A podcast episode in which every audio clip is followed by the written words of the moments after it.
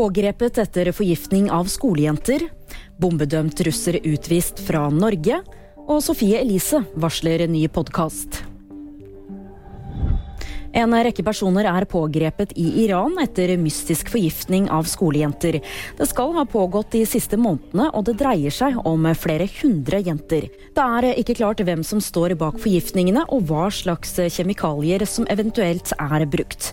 Iranske medier og aktivister melder at minst 400 er innlagt på sykehus.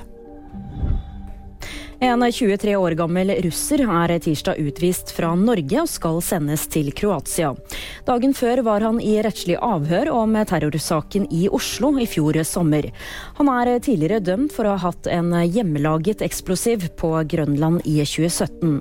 Han var da 17 år gammel og en del av miljøet rundt Arfan Bhatti.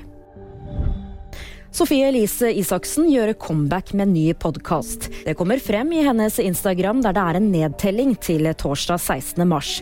Forrige uke ble det kjent at den populære influenseren og Fetisha Williams avsluttet samarbeidet med NRK. Det er ikke kjent hvilken plattform podkasten skal publiseres på, eller om de har inngått et nytt mediesamarbeid. Det var VG nyheter, og de fikk du av meg, Julie Tran.